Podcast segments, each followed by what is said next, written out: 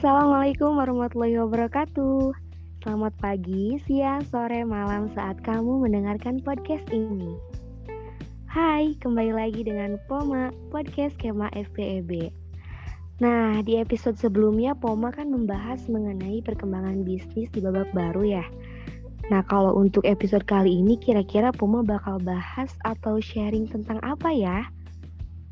Nah, jadi kali ini Poma akan membahas mengenai bisnis kreatif kita juga akan mengulik bagaimana sih pandangan narasumber terkait cara-cara mengelola bisnis agar dapat dikatakan sebagai bisnis yang sukses.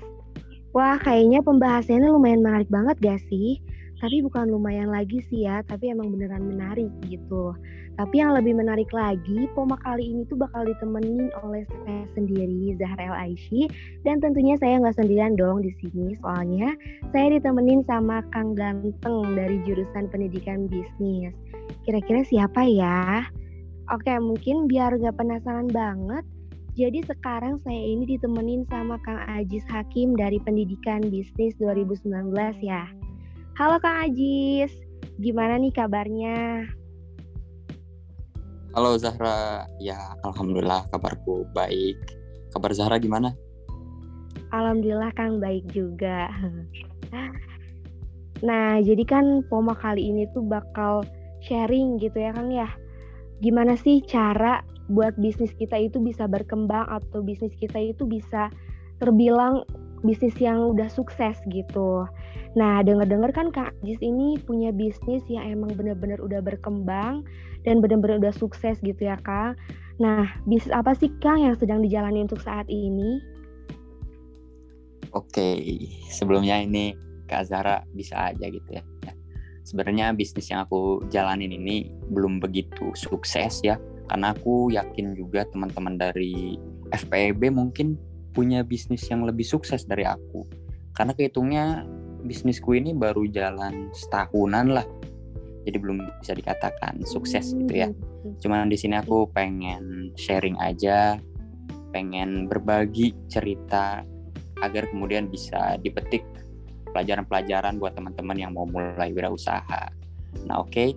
bisnis Betul, yang okay. aku jalanin sekarang itu bisnis jual beli iPhone nama brandnya itu adalah Magis Apple gitu sih oh uh, bisnis Majelis Apple ini kapan sih Kang dibentuknya pertama kali?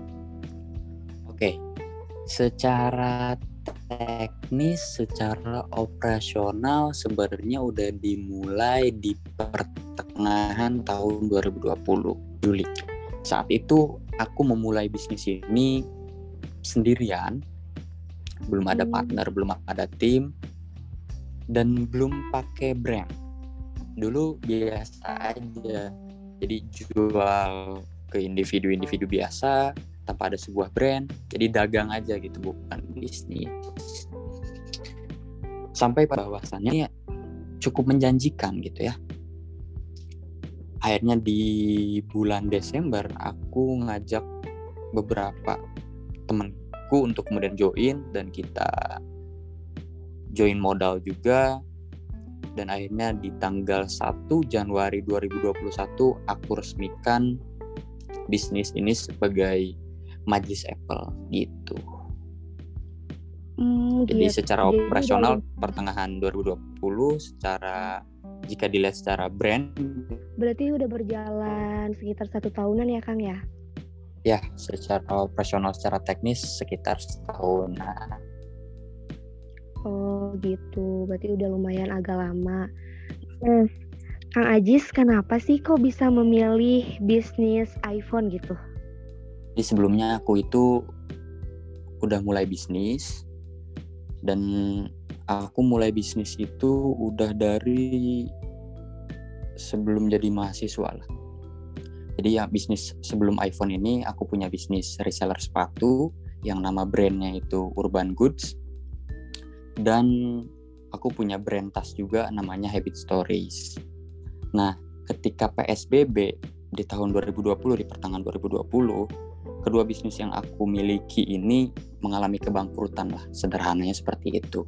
Karena memang permintaannya menurun drastis dan dari harganya juga udah nggak bisa bersaing yang pada akhirnya menyebabkan aku udah nggak punya pemasukan nggak punya pendapatan lagi dan satu-satunya aset yang aku punya itu adalah iPhone 6 ku waktu itu di tahun 2020 ya udah akhirnya untuk bisa menghidupi keseharianku gitu ya akhirnya aku jual iPhone 6 ku.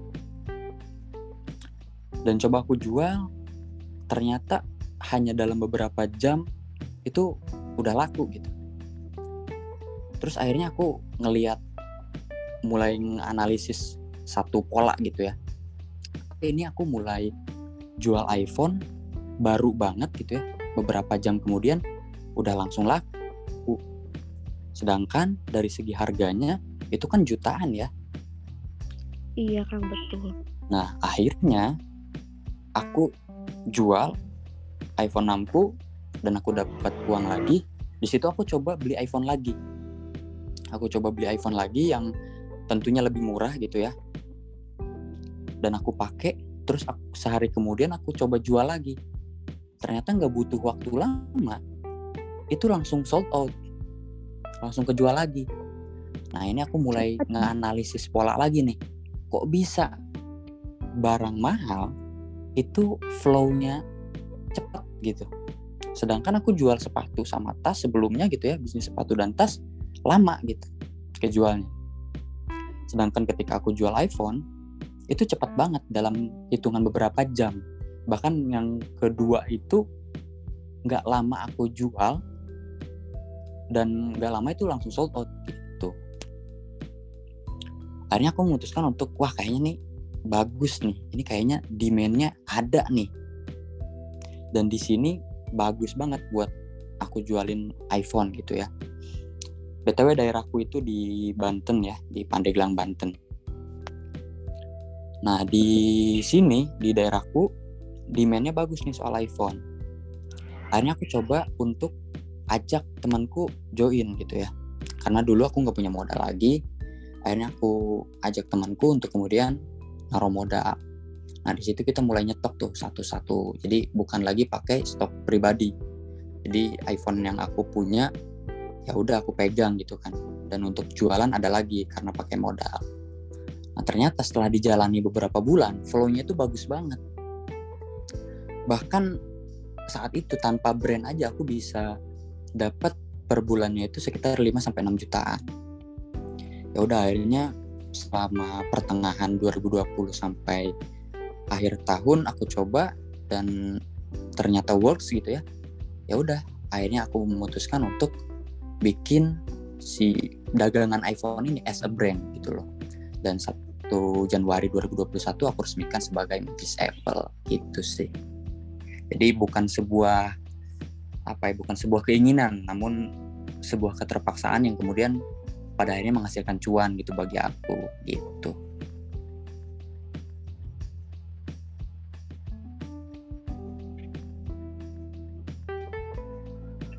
Hmm, berarti bagus ya Kang ketika usaha yang sedang dikembangkan menurun ada motivasi untuk bisa mengembangkan usaha lain gitu. Jadi bisa melihat iya, peluang uh, yang kira-kira bakal laku kejual gitu yang bisa mendapatkan cuan gitu lah ya. Berarti ya. udah keren nih, udah kreatif gitu. Jadi sesuai dengan tema kita kali ini bisnis kreatif gitu kan ya. Nah, jadi uh, kalau boleh tahu nih Kang, inovasi apa sih yang akan kembangkan di bisnis Majelis Apple ini? Lalu bedanya dengan kompetitor lain seperti apa ya Kang kalau boleh tahu? Oke. Mungkin dalam bahasa bisnisnya bisa disebut value proposition gitu ya. Nah, value proposition dari Majelis Apple sendiri itu di awal-awal aku resmikan sebagai brand itu aku nggak ada inovasi apa pun tuh. Ya udah sekedar jualan aja. Aku pikir ya udahlah tanpa inovasi-inovasi dan lain sebagainya sekedar dagang aja itu udah bisa menghasilkan cuan. Ngapain gitu pakai inovasi pakai ribet-ribet mikirin A sampai Z-nya gitu ya. Tapi setelah bulan kedua bulan ketiga aku menyadari gitu ya bahwasannya ketika kita menginginkan bisnis yang kita miliki itu sustain gitu ya bertahan lama itu harus punya value proposition harus punya nilai pembeda dari kompetitor. Akhirnya aku brainstorming bareng tim dan aku dapat satu value gitu ya yang bisa aku tarik setelah aku analisis kompetitor dan lain sebagainya. Jadi value proposition di Majlis Apple itu aku ngasih garansi baterai iPhone selama satu tahun kenapa ngasih garansi baterai selama satu tahun karena memang masalah baterai ini adalah masalah yang sangat klasik dan sangat umum dijumpai oleh para pengguna iPhone. Tapi setelah aku analisis di kompetitor-kompetitor baik kecil maupun besar, tidak ada di antara mereka yang kemudian bisa memberikan garansi baterai yang lama itu. Sedangkan dari segi biaya maintenance baterai itu nggak terlalu besar. Ya udah, aku pikir kenapa kita nggak fokuskan di situ aja untuk value kita di majelis Apple. Akhirnya setelah hitung-hitungan biaya maintenance, hitung-hitungan biaya spare part dan lain sebagainya, aku putuskan untuk majelis Apple resmi untuk memberikan garansi baterai selama satu tahun kepada customer yang membeli iPhone di majelis Apple seperti itu. Oh begitu ya Kang ya. Jadi ada pembedanya gitu dengan bisnis-bisnis iPhone lainnya gitu karena kan sekarang yeah. banyak banget ya banyak banget uh, banyak banget orang yang bisnis iPhone second gitu atau iPhone bekas atau iPhone banyak gitulah intinya nah uh, bagaimana sih Kang cara melihat peluang bisnis di masa sekarang hmm oke okay. Melihat peluang bisnis sebenarnya kita sebagai pebisnis, sebagai pengusaha, itu kan bisa memilih di antara dua opsi ya, antara create demand atau provide demand. Ketika kita memilih create demand, artinya kita akan menciptakan sesuatu yang baru, yang pada akhirnya produk kita belum dikenal dan mengharuskan kita untuk mengedukasi market terlebih dahulu. Nah ini sebenarnya bagus banget nih karena pastinya ketika kita menciptakan sesuatu yang baru artinya tidak ada kompetitor ya. Dalam bahasa bisnis itu masuknya ke blue ocean gitu ya. Sedangkan ketika kita memilih provide demand, kita menyediakan permintaan, artinya kita mengambil produk yang memang atau mengambil bisnis yang memang marketnya udah ada, permintaannya udah ada, tinggal kita sediain aja. Nah, untuk melihat peluang, mungkin teman-teman mahasiswa atau teman-teman pendengar, aku sarankan untuk provide demand. Kenapa? Karena dari segi resiko itu lebih kecil. Tinggal kita analisis aja kebutuhan-kebutuhan apa sih yang kemudian sering dijumpai, kebutuhan-kebutuhan apa aja sih yang kemudian sering jadi masalah tapi kadang yang menyediakannya itu dikit gitu. Nah, kita bisa masuk di situ.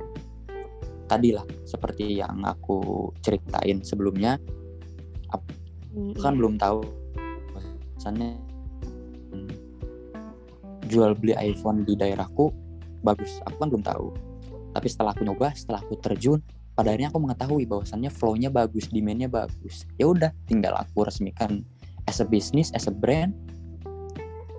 Tinggal kita perbaiki internalnya yang pada akhirnya kita menghasilkan cuan gitu. Jadi kalau misalkan teman-teman mau mulai bisnis, coba-coba gitu ya Kang ya jadinya ya hmm, hmm, benar. Jadi kalau misalkan mau melihat peluang gitu ya, lebih baik dicoba dulu aja, dites dulu aja produk atau bisnis yang kita mau jalani ke market. Kalau misalkan ternyata responnya bagus, kalau ternyata flow-nya itu bagus, kita sikat lah gitu. Karena kalau nggak dicoba nggak akan berjalan gitu ya Kang ya? Ya benar banget. Jadi harus dicoba dulu lah. Iya betul banget ya karena zaman sekarang kadang orang pengen ngebikin bisnis itu coba-coba tuh takut gagal, takut malah nggak laku gitu. Tapi dengan hmm. kayak gitu jadi buat pelajaran untuk kitanya juga ya Kang. Yeah, jadi yeah, semangat yeah. gitu. Gimana sih cara untuk ngebangkitkan bisnis kita tuh gitu ya. Hmm. Makanya kan iya. aku ceritain kan sebelumnya. Ketika aku mau mulai bisnis Majis Apple ini aku tes pakai uang yang kecil gitu ya. Bahkan pakai HP aku sendiri gitu. Itu kan nggak ada resiko ya sekalipun gak kejual gitu ya kita pakai sendiri gitu. Jadi kalau misalkan mau ngetes market usahain usahain pakai uang yang gak terlalu banyak uang yang kecil yang kalau misalkan rugi atau nggak berhasil pun ya kita nggak masalah gitu. Karena punya kita sendiri gitu ya. Ya betul banget kalau misalkan ngelihat dari pengalamanku Iya bener banget nih termasuk aku sendiri juga ingin memulai bisnis kadang takutnya di situ Kang. Mm-hmm. jadi dengan iya.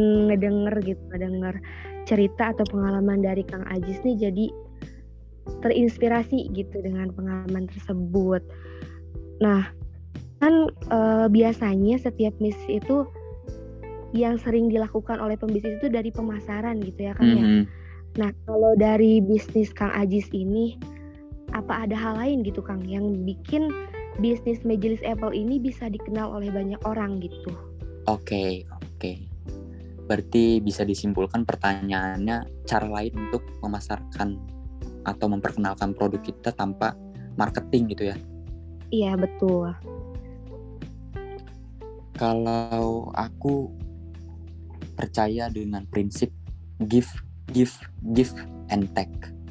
Jadi ketika aku meresmikan Majis Apple as a brand, aku komitmen sama teman-teman, sama tim untuk kita give dulu ke market, give dulu ke market, dan ketika kita sudah banyak memberikan apa ya benefit gitu ya bagi market, pada akhirnya kita akan take a profit gitu. Maksudnya gimana? Yang aku pakai di Majlis Apple itu aku selalu sharing gitu ya soal iPhone. Aku selalu ngadain konsultasi iPhone baik ke teman-teman deket aku, baik di Instagram atau di TikTok.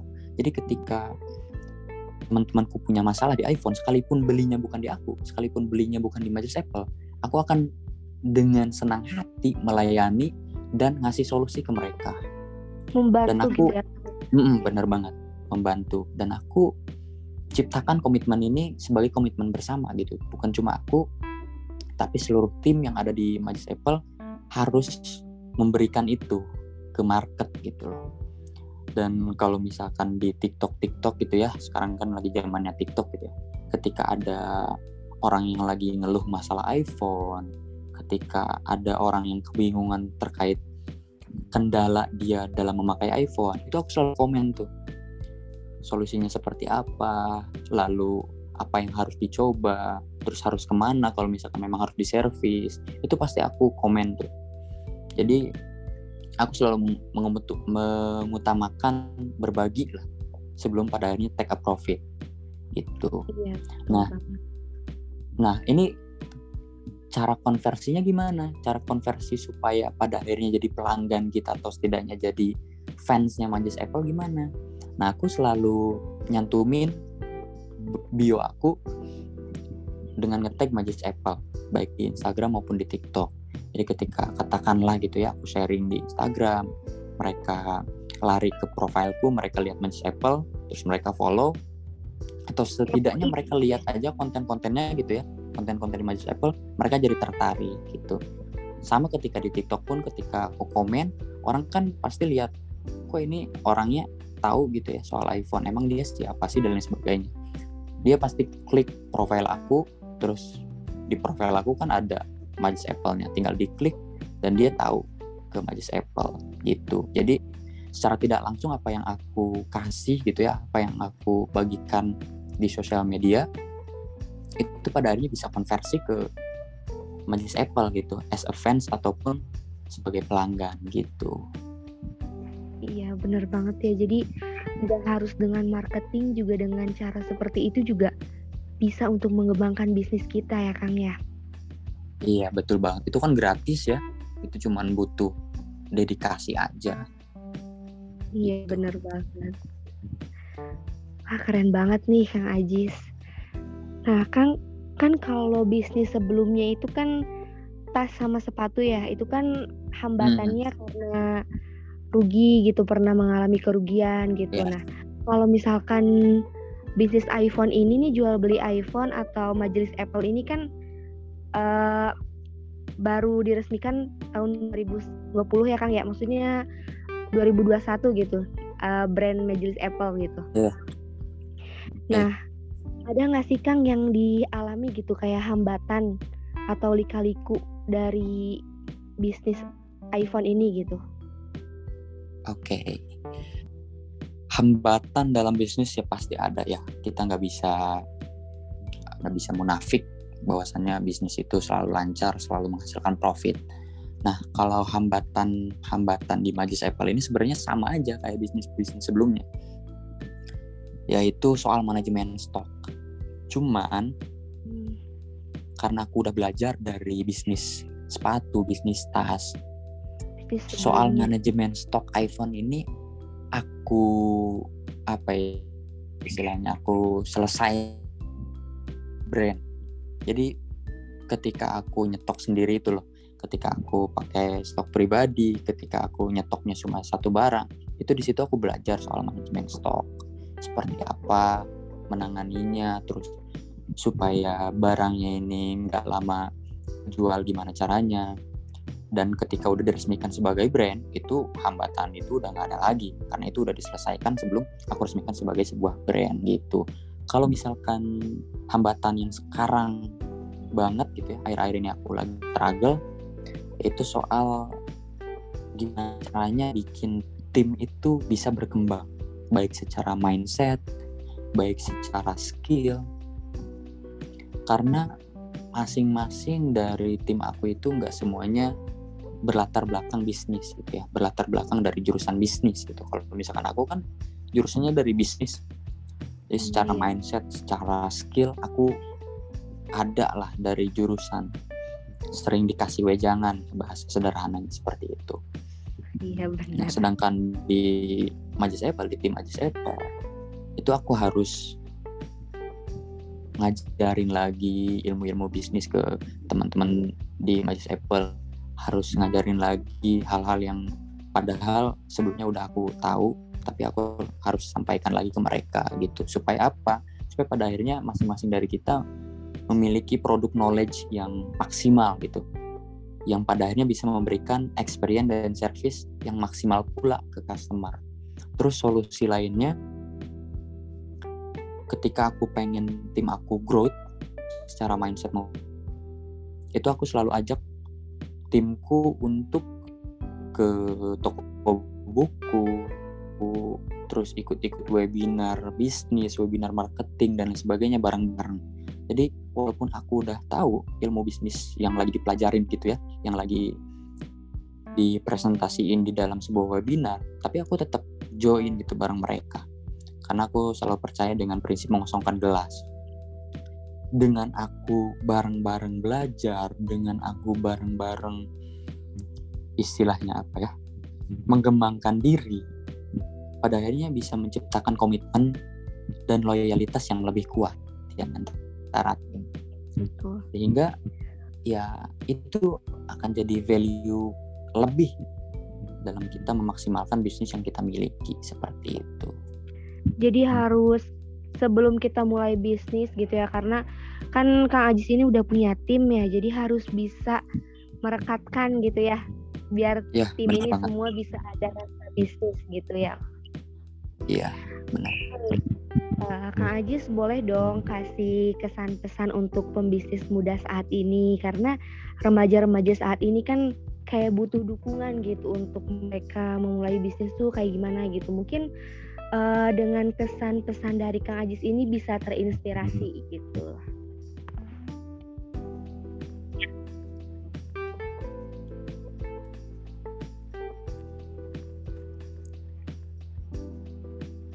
Oke, untuk kesan pesan ya. Uh, biasanya dalam menjalani hidup kita dituntut untuk menyiapkan segala sesuatu dengan sempurna. Tapi dalam memulai bisnis, dalam memulai wirausaha, ketika kita mengejar kesempurnaan, justru yang kita dapatkan adalah sebuah ketertinggalan. Jadi ketika teman-teman mahasiswa atau teman-teman pendengar punya ide bisnis, pengen mulai bisnis, pengen menciptakan produk, segera eksekusi bisnis tersebut segera eksekusi produk yang memang di mau diciptakan oleh teman-teman.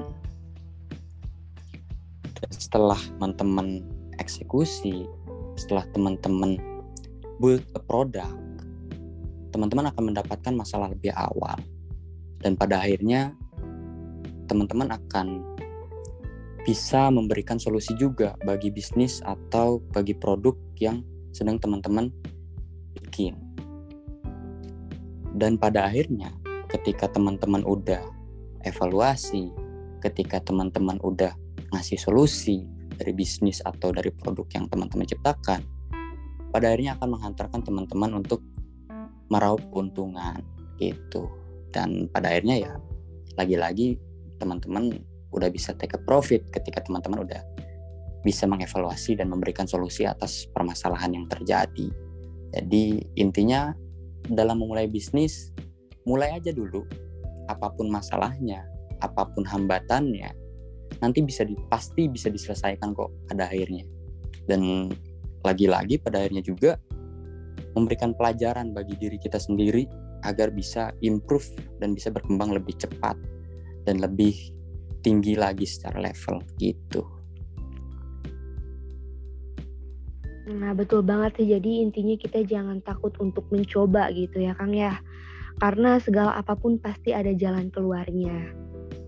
Nah, yang terakhir nih, Kang. Boleh dong dari Kang Ajis kasih quotes gitu untuk pendengar setia dari podcast Kema FPEB ini. Tuh. Oke, untuk quotes buat teman-teman pendengar, buat teman-teman mahasiswa, ayolah untuk saat ini tidak ada alasan lagi untuk kita berdiam diri. Tidak ada alasan lagi untuk kita berhenti. Karena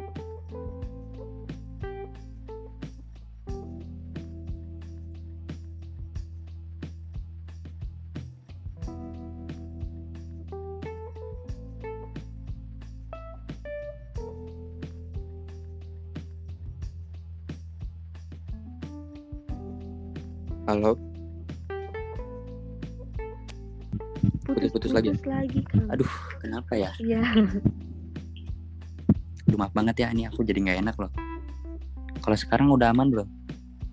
Iya nggak apa Aman aman kan. Mungkin dari diulangi dari ya.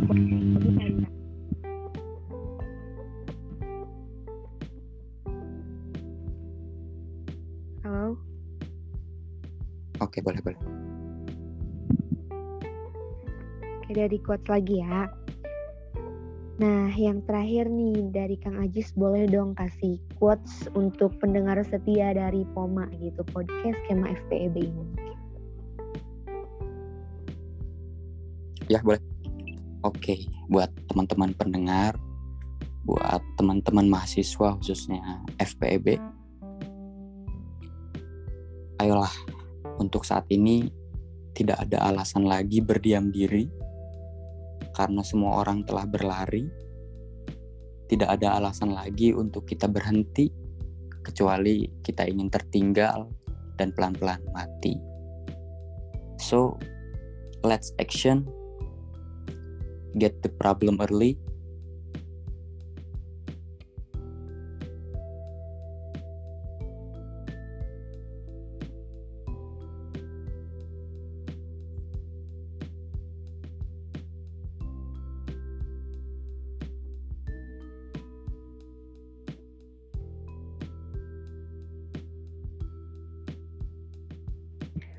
nggak ada suaranya hmm. lagi gini. Astagfirullah.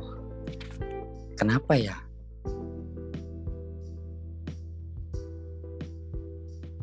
Ini pakai wifi atau kuotanya kang? Ini sekarang pakai wifi nih. Tadi pakai kuota. Ini Udah aku nggak nggak usah panjang-panjang lah. Semoga langsung bisa ke record ya. Iya, iya. iya. Diulang lagi berarti kali ya dari kuota. Iya boleh boleh. Eh, Oke, buat Kang Ajis nih boleh dong kasih quotes untuk pendengar setia dari podcast Kema FPEB ini. Oke.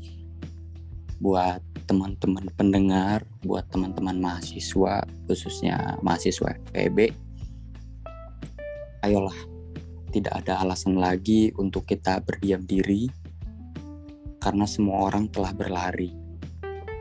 Tidak ada alasan lagi untuk kita berhenti, kecuali kita ingin tertinggal dan pelan-pelan mati. Gitu. Oke, terima kasih ya untuk Kang Ajis. Nah, itulah tadi cerita atau pengalaman dari Kang Ajis yang berhasil gitu merajut atau mengembangkan bisnisnya hingga sukses sampai sekarang gitu. Amin. Nah, buat kalian yang mendengarkan podcast ini bisa share ke teman-teman kalian biar kita bisa terinspirasi dari pengalaman Kang Ajis. Nah, oke, terima kasih untuk Kang Ajis. Saya Zahra Laishi pamit undur diri. Terima kasih dan sampai jumpa di podcast Kema FEB selanjutnya. Have a nice day.